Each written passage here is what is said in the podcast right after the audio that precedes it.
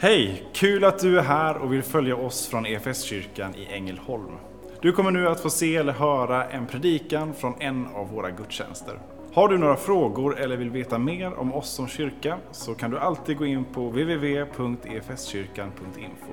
Vill du ha tillgång till mer undervisning eller ta del av våra inspelade konferenser eller gudstjänster gå gärna in på vår Play-kanal, efskyrkan.tv. Nu ska vi lyssna på denna veckas predikan. Med Gud och hans vänskap. Temaserien som vi har nu i september är alltså hämtad från den salmen vi precis sjöng. Saknade du delar av den så slå upp 720 i psalmboken så kan du få sjunga hela eh, idag när du kommer hem. Vi får se vad vi gör för arrangemang av den framöver. Och med Gud och hans vänskap, det är alltså en psalm eh, skriven av Carl-Olof Rosenius. En person som varit eh, oerhört viktig, avgörande för bildandet av EFS, som vi i EFS-kyrkan tillhör. Det hör man väldigt pedagogiskt på namnet, EFS-kyrkan. Vi är en del av EFS. Och vi ska få dyka in i eh, några av hans betoningar och eh, Eh, utläggningar de söndagarna som kommer här om centrala delar i kristen tro, grundfundament för oss och för vår tro. Idag så ska jag försöka motivera varför vi ska göra det. Kanske en lite mer allmän blick på eh, lite vem Rosenius var, men framför allt varför jag tror att vi behöver ta oss an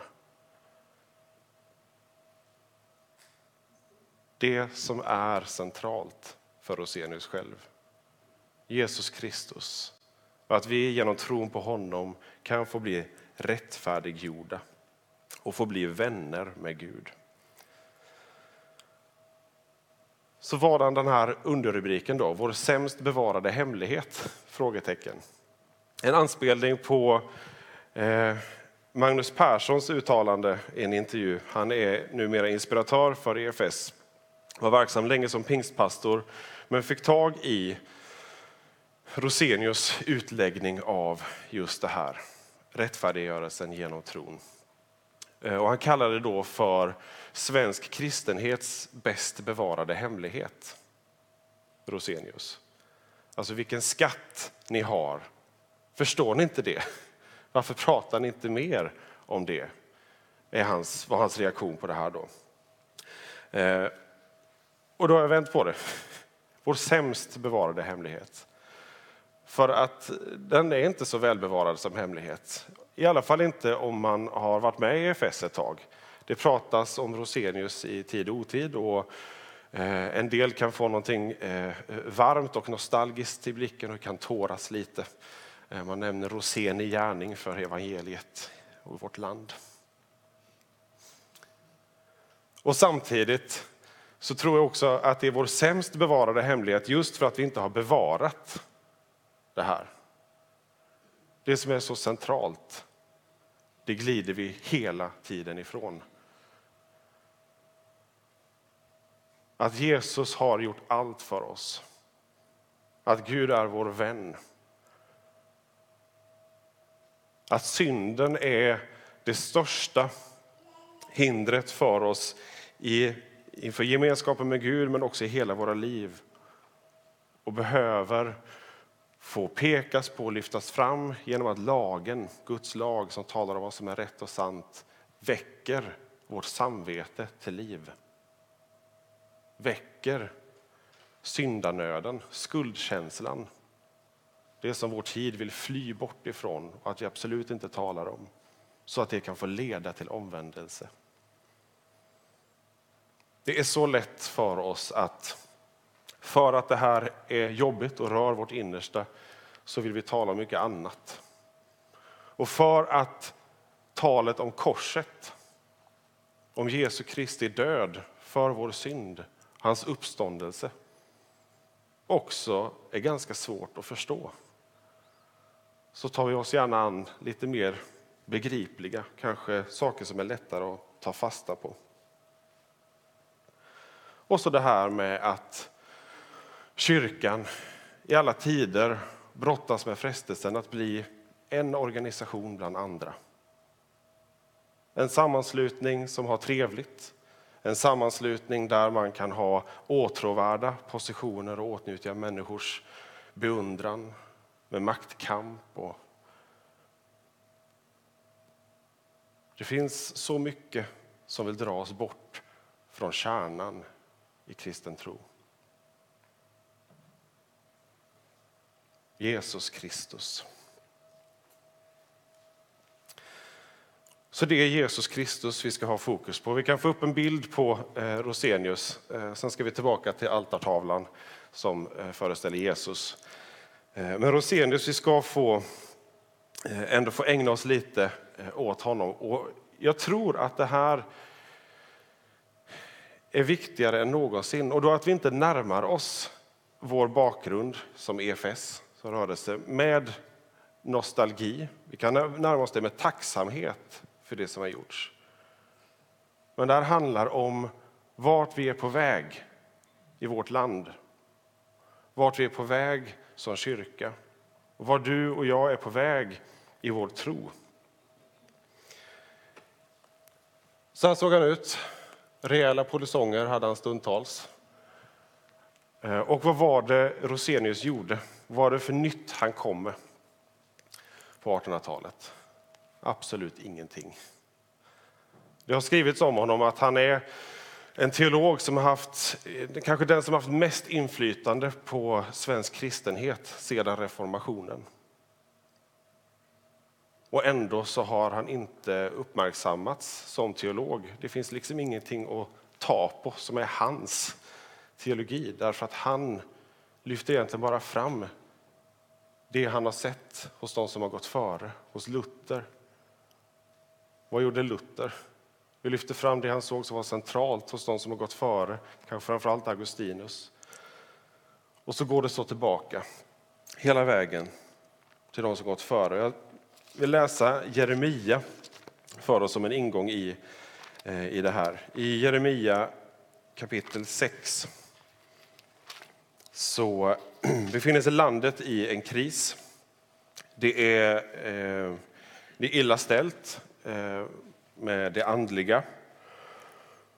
Och det som skulle vara ett folk som, eh, som visar vem Gud är har blivit just det här som jag talade om innan. Det har blivit som ett land bland andra länder.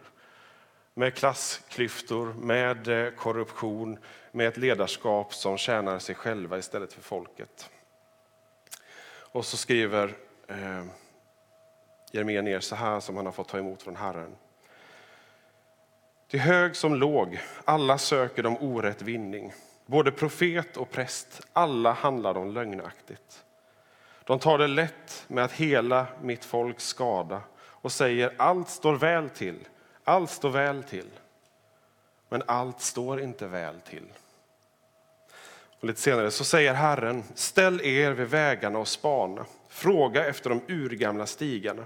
Fråga efter den goda vägen och vandra på den så ska ni finna ro för era själar. Men de svarade, vi vill inte vandra på den.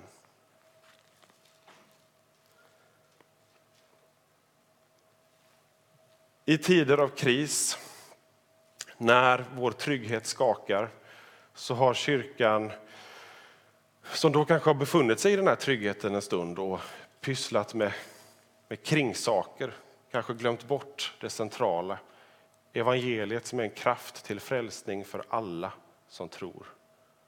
Juden och greken, alltså alla människor.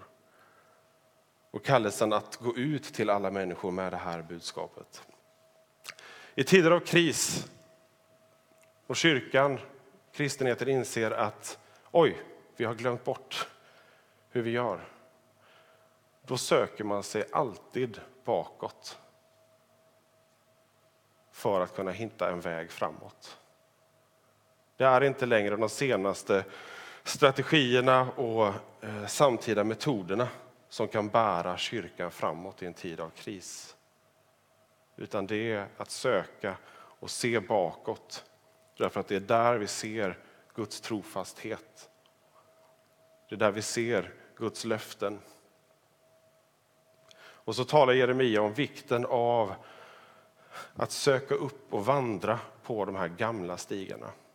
Därför tror jag att vi är väldigt väl betjänta av att studera vad det är som har drivit fram, inte bara EFS, utan väckelse och kyrka i Sverige och världen genom tiderna. Vi ska också se på de eh, väckelserörelser som är igång just nu eh, runt om i världen och se vad vi kan lära oss där.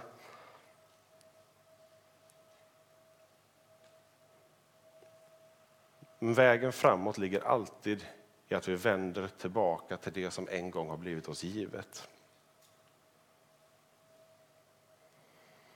Och det Rosenius fick syn på var inte något nytt, det var inte en strategi som, eh, som funkade optimalt för mitten av 1800-talet för att den var välanpassad för sin tid, utan det han fick syn på det att hon fasta på var det evangeliet som har varit centralt för kyrkan i alla tider. Det här var avgörande för Rosenius när väckelsen drog igång och när människor blev berörda av det här budskapet. Så började också rörelser komma fram som vände sig mot eh, den förstelnade kyrkan och maktkampen i det som då var statskyrka och en myndighet. Och där ville Rosenius värna kontinuiteten. Att vara trogen den kyrka som har burit evangeliet i Sverige. Han gick in i debatter, han kritiserade, men han blev inte polemisk. Det var sakligt, det var fokus på ordet, fokus på eh, argumenten, fokus på, på Jesus Kristus. Istället för att söka splittring eller söka en ny position eller söka inflytande genom att starta en egen eh, rörelse. Var han konflikträdd? Verkligen inte. Vid den här tiden, mitten på 1800-talet, så är det förbjudet att samlas till, eh, till bön och gudstjänst om inte prästen är med. Och staten har sanktionerat samlingen på det sättet. Det upphävdes senare, det förbudet, men många i Sverige blev fängslade för det. Det här är alltså inte ens 200 år sedan.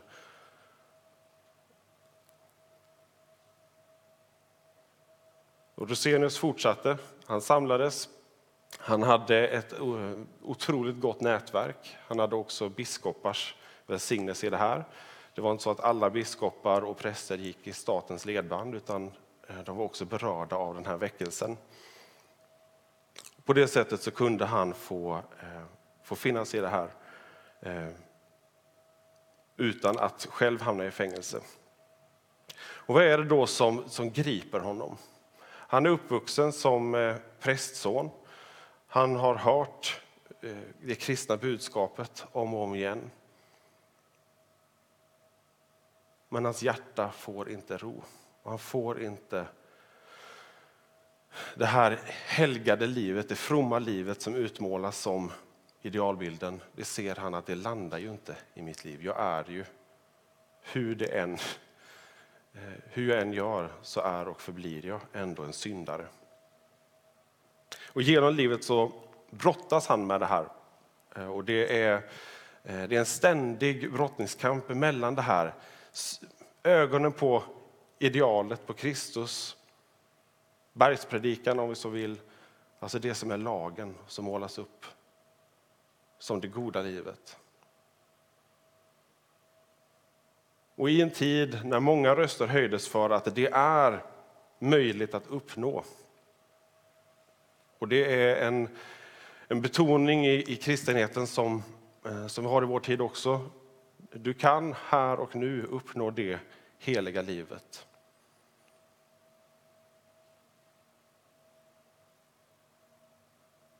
Så fick Rosenius tag i evangeliet så som det utläggs av Luther. Att vi är på en gång rättfärdiga och syndare. Jag tror att det här är avgörande för att vi ska kunna vara kyrka och ska kunna hålla som troende, som församling. Den realistiska människosynen, vetskapen om att den gamla människan förvisso dränkt i dopet, men som Bo Giertz lär oss, det aset kan simma. Den brottningskampen följer oss genom hela jordelivet. I det här ser Gud på oss genom Jesus Kristus, sin älskade son.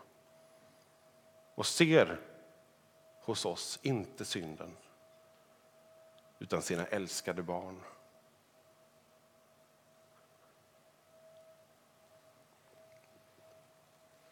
Den här dubbelheten i det kristna livet provocerar många kristna och icke-kristna för att man inte vill acceptera den bittra verkligheten som synden ger. Antingen så förnekar vi den, gömmer den och så blir vi skenheliga. Eller så kanske vi blir helt förgjorda av den och uppgivna. Genom det här går evangeliet. Att Jesus Kristus är den som har tagit din synd och därför förklarar dig vara fri från skuld. Och han lämnar åt oss sin ande så att vi kan leva i tro på det här löftet.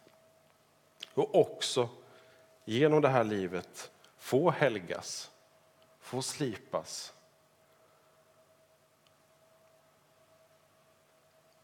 Och Rosenius läser man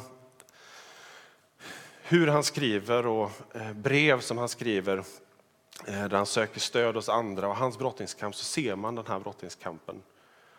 Andra kan se helgelsen ta plats hos Rosenius. Man ser en fantastiskt from och, eh, och Kristuslik man. I hans inre så blir synden blottad ännu värre och ännu djupare. Och så är vandringen för den kristne. Som varken flyr från synden eller blir uppäten av uppgivenheten i den utan får finnas i den här dubbelheten. På en gång syndare och rättfärdig. Men det här behöver leda oss framåt. Det behöver leda oss till Kristus. Och vi måste ta fasta på Kristus. Fastnar vi i vår blick på oss själva, på vår egen förmåga eller oförmåga så kommer vi bli förtvivlade eller leva ett liv i lögn. Men om vår tro på Kristus är stor istället, då behöver inte tron på oss själva vara särskilt stor. Och när Rosenius talar om det här centrala så eh, återkommer han till Romarbrevet eh, och tar fasta på det löftet som, som Paulus skriver till eh, romarna och till oss i kapitel 8, eh, vers Eh, 15 och framåt. 14 och framåt. Till alla som drivs av Guds ande är Guds söner. Ni har inte fått slaveriets ande så att ni på nytt skulle leva i fruktan. Nej, ni har fått barnaskapets ande i vilken vi ropar Abba, Fader. Anden själv vittnar med vår ande att vi är Guds barn. Men är vi barn är vi också arvingar, Guds arvingar och Kristi medarvingar. Lika visst som vi lider med honom för att också bli förhärligade med honom. I allt så är vi Guds barn. Vi får dela Kristi lidande, men vi får också dela hans härlighet. Och Rosenius återkommer också till Jesu egna ord i Johannesevangeliet kapitel 15 och vers 15. Jag kallar er inte längre tjänare eftersom tjänaren inte vet vad hans herre gör. Vänner kallar jag er. Till allt vad jag har hört av min fader har jag låtit er veta. Ni har inte utvalt mig, utan jag har utvalt er och bestämt om er att ni ska gå ut och bära frukt sådan frukt som består, för att Fadern må ge er vad ni än ber honom om i mitt namn.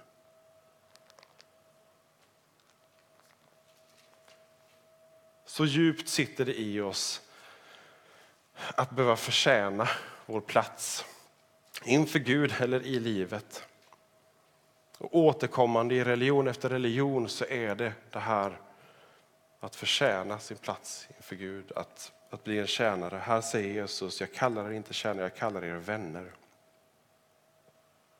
Och ni har inte utvalt mig, jag har utvalt er.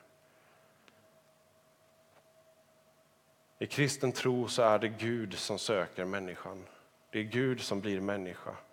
Det är han som tar straffet, konsekvensen av synden, döden. Och det finns ingenting som vi kan lägga till eller dra ifrån från det.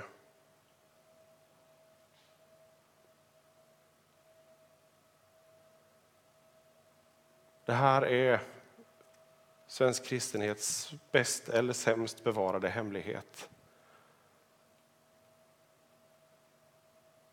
För att det är så centralt så är det också det som djävulen slår på. Och det kan finnas så mycket eh, goda saker runt om och eh, goda intentioner kring hur vi gör kyrka och, och sådär. Och det finns så många goda föresatser vi kan ha i, i våra egna liv. Men det här är vad vi måste hålla fast vid och kämpa för att få vara centralt. Att Guds ords sanning får avslöja synden i våra liv och vår värld så att vi kan få ge evangeliet och få tala om evangeliet.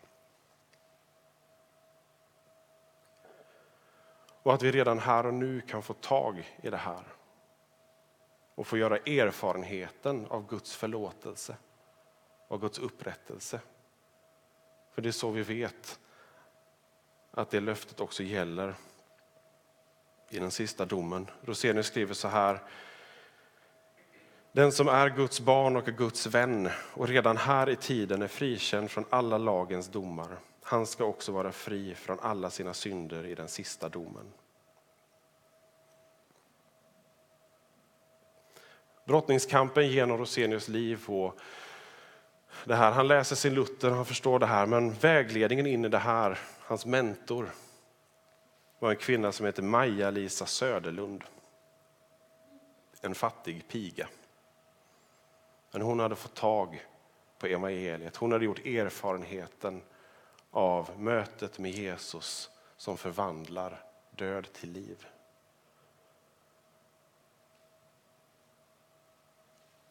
Och att Rosenius har henne som sin främsta mentor genom livet är slående. Han är prästson. Kanske är det därför han inte är så imponerad av prästerskapet. Han vet hur det ser ut där hemma. Men för Rosenius var det så viktigt att den största vigningen, det är dopet. Varje kristen står i evangeliets tjänst. Varje kristen kan föra en annan människa till Jesus och därmed till förlåtelse, och till upprättelse och till helande. Det är inte de fina positionerna i statskyrkan. Och här ligger fokuset på kyrkan som de vanliga människorna. Alla som tror. Och precis som Rosenius inre kamp leder till ett Kristusfokus så blir också den yttre kampen i den här väckelserörelsen någonting som leder till Kristusfokus. Han skriver så här vid ett tillfälle. Det är mycket hälsosamt att inte ha mer än Gud att förtrösta på. Mycket frihet och yttre trygghet är för Guds församling skadlig. Alla som med något förstånd beklagar Kristi kyrkas förfall härleder det främst från den tid då den fick yttre skydd, frihet och makt.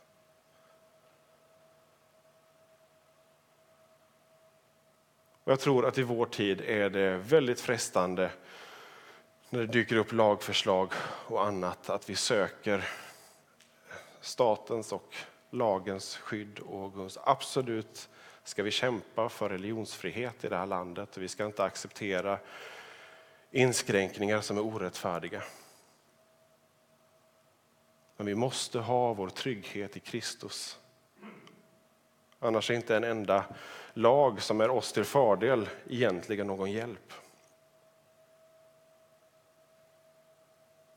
Om vi är beroende av staten, statens sanktionerande av vår verksamhet eller bidrag ekonomiskt för den delen så verkar det passiviserande för oss. Om det dessutom är så att det är politiker som styr agendan för kyrkan så ger det förruttnelse inifrån. Därför att Kristus är kyrkans huvud. Ingen annan. Och jag tror att vi behöver fråga oss nu i vår tid vad vår tid har gjort med oss. Vad har de senaste decennierna, det senaste århundradet i princip gjort med kyrkan? Vi har haft det tryggt och gott. Vi lever inte längre under de förbud som, eh, som fanns när väckelsen tog fart under, eh, under 1800-talet. Har vi blivit slumrande? Och har vi tappat bort inte bara det centrala utan att tala om hela Guds ords sanning? Vår tidsanda är att plocka det som känns gott för mig. Det är ju så fint med en bibelapp där det kommer en uppmuntrande vers. Så gör man kanske misstaget någon gång att slå upp den versen och så läser man sammanhanget. Och så verserna före och efter gör jätteont. jag går tillbaka till den här en vers som poppar upp i en notis, det är skönare. Men det är bara när Guds ords hela sanning får beröra oss och får beröra kyrkan som vi kan vara kyrka för vår tids skull. Jag tror inte att det är så mycket som skiljer egentligen. Jag tror att ju längre tiden går nu så kanske det är ännu mindre som skiljer. På 1800-talet så var det en tid av ganska stor nöd och kris, missväxt, fattigdom som ledde till svält och som ledde till missbruk. Jag vet inte om vi är så långt ifrån det egentligen. Vi kan tycka att vi har det gott ställt materiellt. Vi får se vad det tar vägen. Jag vet inte hur många av er som känner en oro inför det som kommer. Vintern, krigen. Vi har redan nu extrema klyftor mellan rika och fattiga. Vi har stora problem med fattigdom. Vi har otroligt stora problem med svält runt om i världen. En annan sak som väckelsen på 1800-talet fick upp ögonen för igen. Andra sidan världen är vår angelägenhet. Det är det ännu mer idag, vare sig vi vill eller inte. Och vi står nu inför ett, ett val om en vecka där många löften ges och där åsikter och värderingar verkar bytas nästan veckoligen.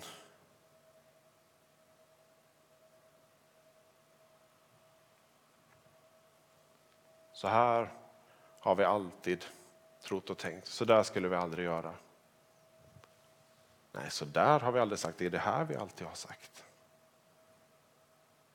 Så hårt är trycket att rätta sig efter det omgivande samhället för att nå inflytande, för att få att inte ens våra ledare kan stå fasta i sina värderingar.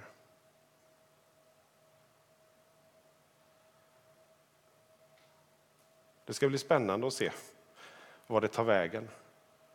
Och Det är lätt att känna missmod och oro när skicket är som det är på den här valdebatten, tycker jag. Därför kan vi inte, får vi inte sätta vårt hopp till mänskliga ledare. Det finns bara ett hopp, Jesus Kristus. Det finns bara ett hopp som har burit igenom tusentals år. Och ledare har stått upp och de har fallit. Nationer har bildats och de har fallit. Men en står fast. Jesus Kristus som är av evighet. I honom och genom honom skapades världen. I honom och genom honom återlöses världen på korset. I honom och genom honom kommer vår värld att bli räddad. Och kanske ger det som händer i vår tid oss anledning att fundera över hur nära det är. Och som en, eh, en biktspegel inför syndabekännelsen så vill jag läsa vad Rosenius skriver om Herrens återkomst. Också någonting som det talet har tystnat de senaste åren upplever jag. Och så här skriver Rosenius. Det var visst inte så annorlunda då heller. Hur kommer det sig att tanken på Herrens snara återkomst, som var så levande för de första kristna, fastän de yttre förhållandena inte på långt när gav dem samma anledning att vänta honom? Hur kommer det sig att det har blivit så främmande för oss? Ja, hur kommer det sig att den nästan försvunnit ur våra hjärtan, våra samtal och vår förkunnelse? Vi förnekar inte att vi har hållit fast vid läran om Herrens återkomst. Den utgör fortfarande ett led i vår trosbekännelse. Det innebär inte automatiskt att vi i hoppet ser fram emot hans återkomst. Frågan är inte, tror du att Herren ska komma tillbaka? Utan lever du i hoppet, i en verklig förväntan om att han ska komma? Där är det inte många av oss som uppriktigt kan svara ja. Om alla troende kristna verkligen levde i hoppet, i glad förväntan på vår förhärligade frälsares återkomst, då skulle detta hopp mera komma till uttryck i vår förkunnelse, i våra samtal, i hela vårt liv. Då skulle inte heller alla slags läror om kyrkans framtid och de dödas tillstånd så lätt få rum hos oss. Men när nu tanken på Herrens återkomst är oss så främmande, ja nästan ovälkommen, till skillnad från hur det var för de första kristna, då är det inget gott tecken. Varje hopp förutsätter en önskan och varje önskan har att göra med något vi älskar. Om vi verkligen älskar Herren så längtar vi också efter att få bli helt förenade med honom. Därmed ser vi också fram emot den dag då han kommer tillbaka. Vår dåraktiga natur vill gärna skapa sig ett paradis här på jorden. Men det är dårskap. Tiden är så kort. Tänk om den som helt går upp i att köpa och sälja, plantera och bygga ville stanna till i tid innan den sista gnistan av andligt liv slocknat ut. Låt handen arbeta, men pröva dig själv och var uppriktig. Var är hjärtat? I himlen varifrån du väntar frälsarens ankomst eller i det goda du äger här nere. Var uppriktig.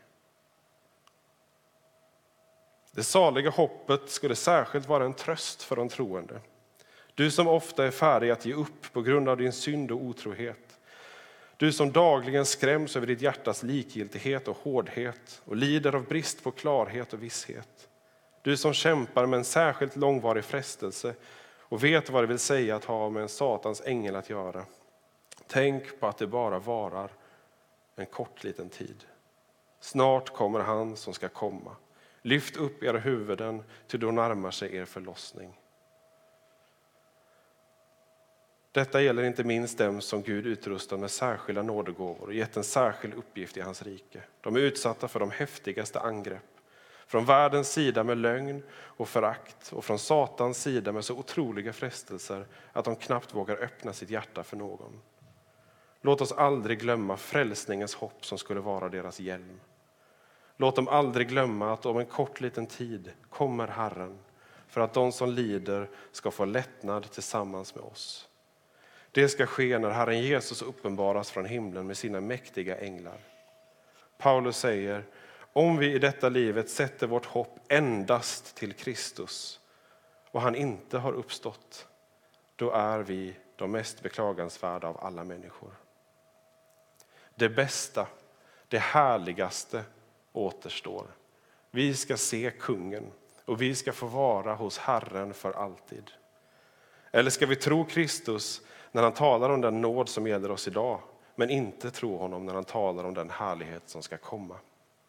Gud bevara oss. Måtte alla kristna besinna även detta stycke i vår kristna tro. Framför allt, låt oss vara redo och vakande och ha olja i lamporna när ropet hörs. Se, brudgummen kommer.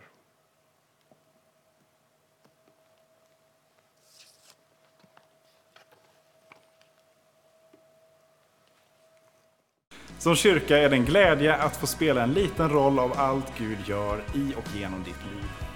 Vi vill gärna fortsätta följa dig på den resan. Och vill du ta reda på vad ditt nästa steg kan vara på din resa med Gud så gå in på efskyrkan.info nästa steg. Vår längtan är att få se människor och samhällen förvandlade av Jesus. Genom en kyrka som återspeglar Guds hjärta, bär varandra och betjänar människor varhelst vi befinner oss varje dag.